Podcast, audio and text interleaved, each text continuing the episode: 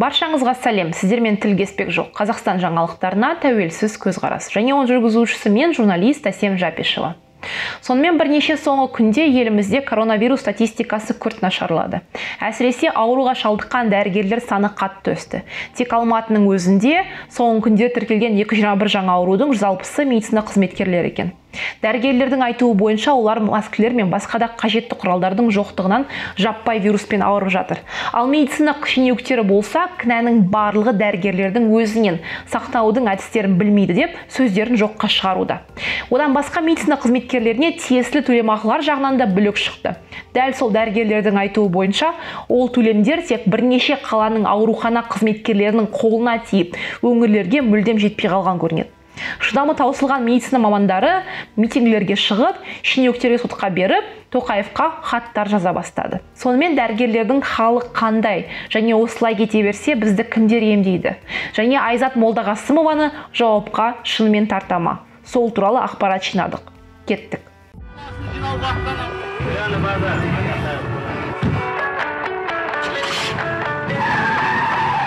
Сонымен алдымен дәрігерлерге қандай төлемдер тиесілі болды және тоқаев не уәде етті? Содан бастайық. Прайм министр kz сайтындағы ақпарат бойынша медицина қызметкерлерінің еңбекақысына ай сайынғы бекітілген үстеме ақы коронавирусты жұқтыру қаупі бар үш топ бойынша үш айдың ішінде жүргізіледі. Және дәрігерлер мен медбикелер келесідей үш топқа бөлінеді. Бірінші қауіптілігі аса жоғары. Реанимация бөлімшелерін қоса алғанда инфекциялық стационарлардың дәрігерлері орта және кіші медицина қызметкерлері. Үстеме ақы 20 ең төмен төменгі жалақыны құрайды. Жалақының ең төменгі мөлшері жтм немесе 850 мың теңге. Қауіптілігі жоғары. Провизорлық стационар және жедел жәрдем дәрігерлері орта және кіші медицина қызметкерлері үстеме ақы 10 жтм 425 мың теңге. Үшінші қауіптілігі орташа. Карантиндік стационарлардағы дәрігерлер орта және кіші медицина қызметкерлері санитарлық дәрігерлер мемлекеттік қызметкерлер жедел жәрдем жүргізушілері және тағы басқалар. Үстеме ақы 5 жтм 212 мың бүтін 5 мың теңге құрайды. бірақ біздің каналға дәрігерлер жазып ол жарлықтың орындалмай жатқандығын айтты здравствуйте уважаемые казахстанцы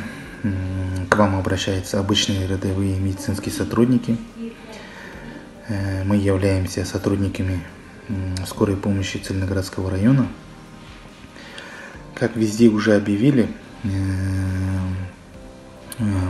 о указе президента по надбавкам по борьбе с коронавирусом COVID-19. Но время показало совсем обратное. Эти надбавки мы не получили. В данный момент эти надбавки получил только город Астана, Алмата, Чемкент.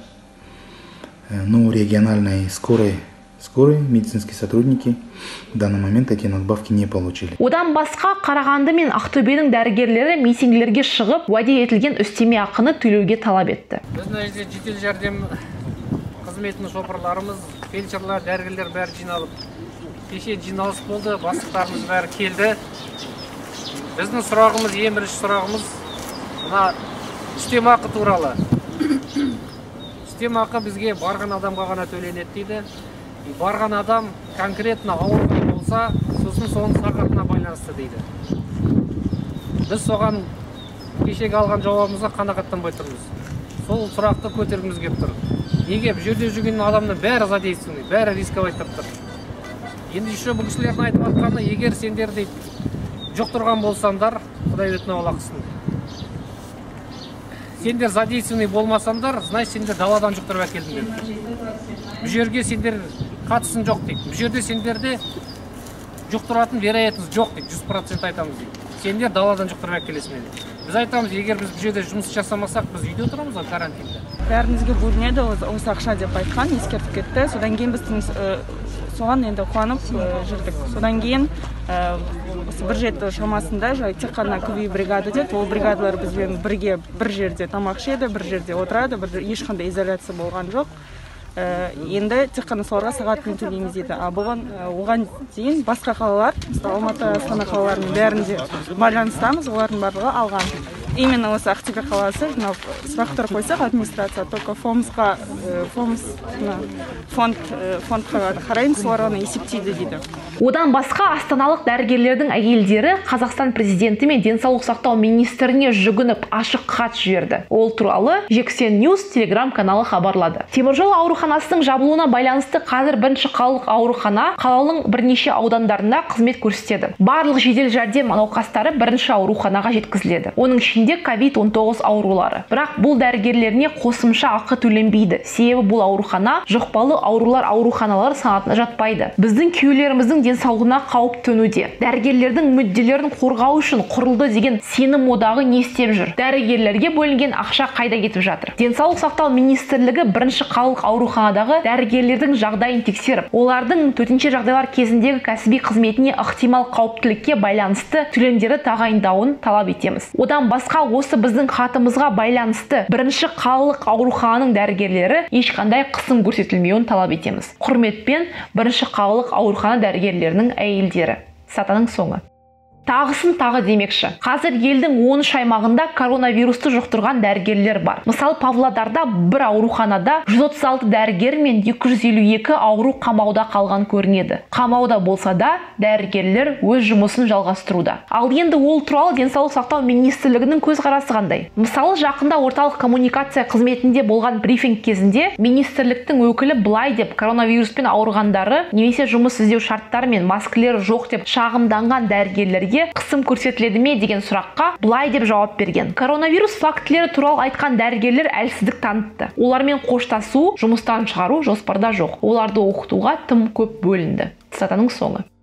Ал алматының бас санитарлық дәрігері айзат молдағасымова болса дәрігерлер коронавируспен ауырғандарына өздері кінәлі деп есептейді. Оның алматы телеарнасына берген сұхбатында медицина қызметкерлері өздері қорғаныс шараларын сақтамаған деп айып тақты. Бір қызығы қазір алматы телеарнасы ол сұхбаттың видеосы мен мәтінін өз сайттарынан өшіріп тастаған екен. Естеріңізге сала кетейін айзат молдағасымованың өзі германияға барып келгеннен кейін бас дәрігер бола тұра карантинге бармай бірнеше күн бойы жұмыс пен кездесулерге барып жүрген. Сонымен қатар молдағасымова еуропадан келгеннен кейін үйіне карантинде өзіне өзі халық банкі атынан ақшалай сыйақы жазып берді деп ақпарат та пайда болды. Ол туралы доктор қайырғали көнеев былай деп жазды. Жақында еговтан айзат молдағасымованың медицина қызметкерлерін қаржылай қолдау ұйымдастыру жөніндегі комиссия мүшесі болғанын білдім. Бұл іс шараның ашықтығына үлкен қауіп төндіреді. Молдағасымова 26 ақпаннан бастап жұмыс орнында болмаса да өзіне екі рет ақшалай премия жазып берген. Цитатаның соңы.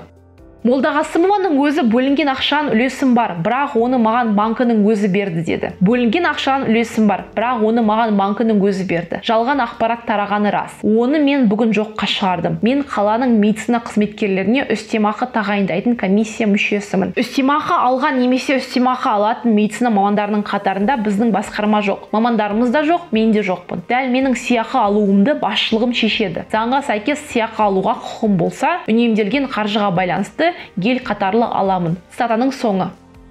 Ал қазір алматының дәрігерлері енді молдағасымованың үстіне сотқа беруді шешті. Ол туралы цкгб ауруханасының басшысы фейсбук желісіне хабарлады. Ол басқа дәрігерлерді қосылып бірге сотқа беруге шақырды. Онымен қатар дәрігерлер тоқаевтың атына да ашық хат жолдады. Ол хатта дәрігерлер молдағасымова айтқандай дәрігерлердің жұқтырудың себебі қауіпсіздік ережелерін сақтамау туралы сөздеріне наразылығын білдірді. Басқа басқа дәрігерлер кви қаупі мен сақтық шараларын біледі. Әлемде пандемия болып жатыр. Қаншама медицина қызметкерлері ауру жұқтырды. Бұл жерде басшылық пен дәрігерлердің сақтық шараларының не қатысы бар? Сіз қызметкерлері бізді тексеріп кеткеннен соң оларда кви анықталғанын білеміз. Солай бола тұра бізге бұл туралы ешкім айтқан жоқ. Кейін білдік. Бәлкім вирус таратушы солардың өзі шығар. Олармен байланыста болған адам ретінде ешкім тексерген жоқ. Айзат молдағасымова ханым бізге қылмыстық жауапкершілік туралы айтып қорқытады. Ал өзі жеке басының абыройы үшін фактіні жасырды делінген хатта. Сатаның соңы. шоңы бұл ашық хат жазылған соң желіде 12 аурухананың дидар есімді травматолог дәрігерінің видеосы жарияланды. Видеода дидар 11 сәуір күні тексеру нәтижесінде 56 дәрігерден вирус шыққан деді. 11-нен 13-не дейін үш күн бойы бұлармен бізді әріптестеріміз байланыста болды. Ешқайсысын оқшаулаған жоқ. Бөлмеде төрт медицина қызметкерлері жатқызылды. Олар дәлізге еркін шығып жүрді бір бірімен байланыс жасады. Көктем санаториясына оқшаулаған біздің арамыздағы әр үшінші адамнан вирус анықталып отыр. Біздің әкімшілік бас дәрігер алмас болатұлын оны нашар басшы деп айта алмаймын. Бірақ біздің анализ қорытындысын үш күн бойы күткенбіз. Бір бірімізбен байланыста болғанымыз үшін кім кінәлі екенін анықтау қажет деді травматолог дәрігер дидардың айтуынша аурухана дәрігерлері вирустың науқастардан жұқтырған. Өйткені қорғаныш құралдарымен толық қамтамасыз етілмеген. Дәрігерлердің өзі вирус таратушыға айналып отыр деген дәрігер өзге аудандардағы әріптестердің жағдайы да осындай екенін айтады. Айта кету керек ашық хатқа 370 қызметкер қол қойған. Сонымен қазақстан бойынша дәрігерлер наразылықтарын көрсете бастады. Бір жағынан бұл қазір медицина саласында шынында да үлкен мәселелердің бар екендігін көрсетеді. Себебі әдетте бюджет қызметкерлері наразылықты ашық білдіруден алыс. Екіншіден мемлекет соңғы аптада дәрігерлерге жұмысы үшін алғысын шаршамай айтып оларға барлық жағдай жасалып жатқандығын да айтып жүр. Бірақ шындығына айналып келетін болсақ уәде берілген ақша да төленбеді дәрігерлердің жұмыс шарттары да сұмдық ал мәселелер туралы ашық сөйлеуге батылдығы барғандарға қысым көрсетілуде. Бірақ наразылығын ашық айтып жатқандардың саны өскен сайын биліктегілерге бұл жағдайларды жасыру қиындай түседі. Жалпы медицина саласы болсын білім беру болсын басқа салалар болсын барлығында бұрыннан мәселелер көп болған. Енді коронавирустың арқасында олар алға шыға бастады. Ал бізде бүгінге осы назарыңызға рахмет. Пікіріңізді міндетті түрде осы видеоның астына қалдырып каналға жазылуға ұмытпаңыздар. Назарыңызға рахмет. Көріскенше. هذا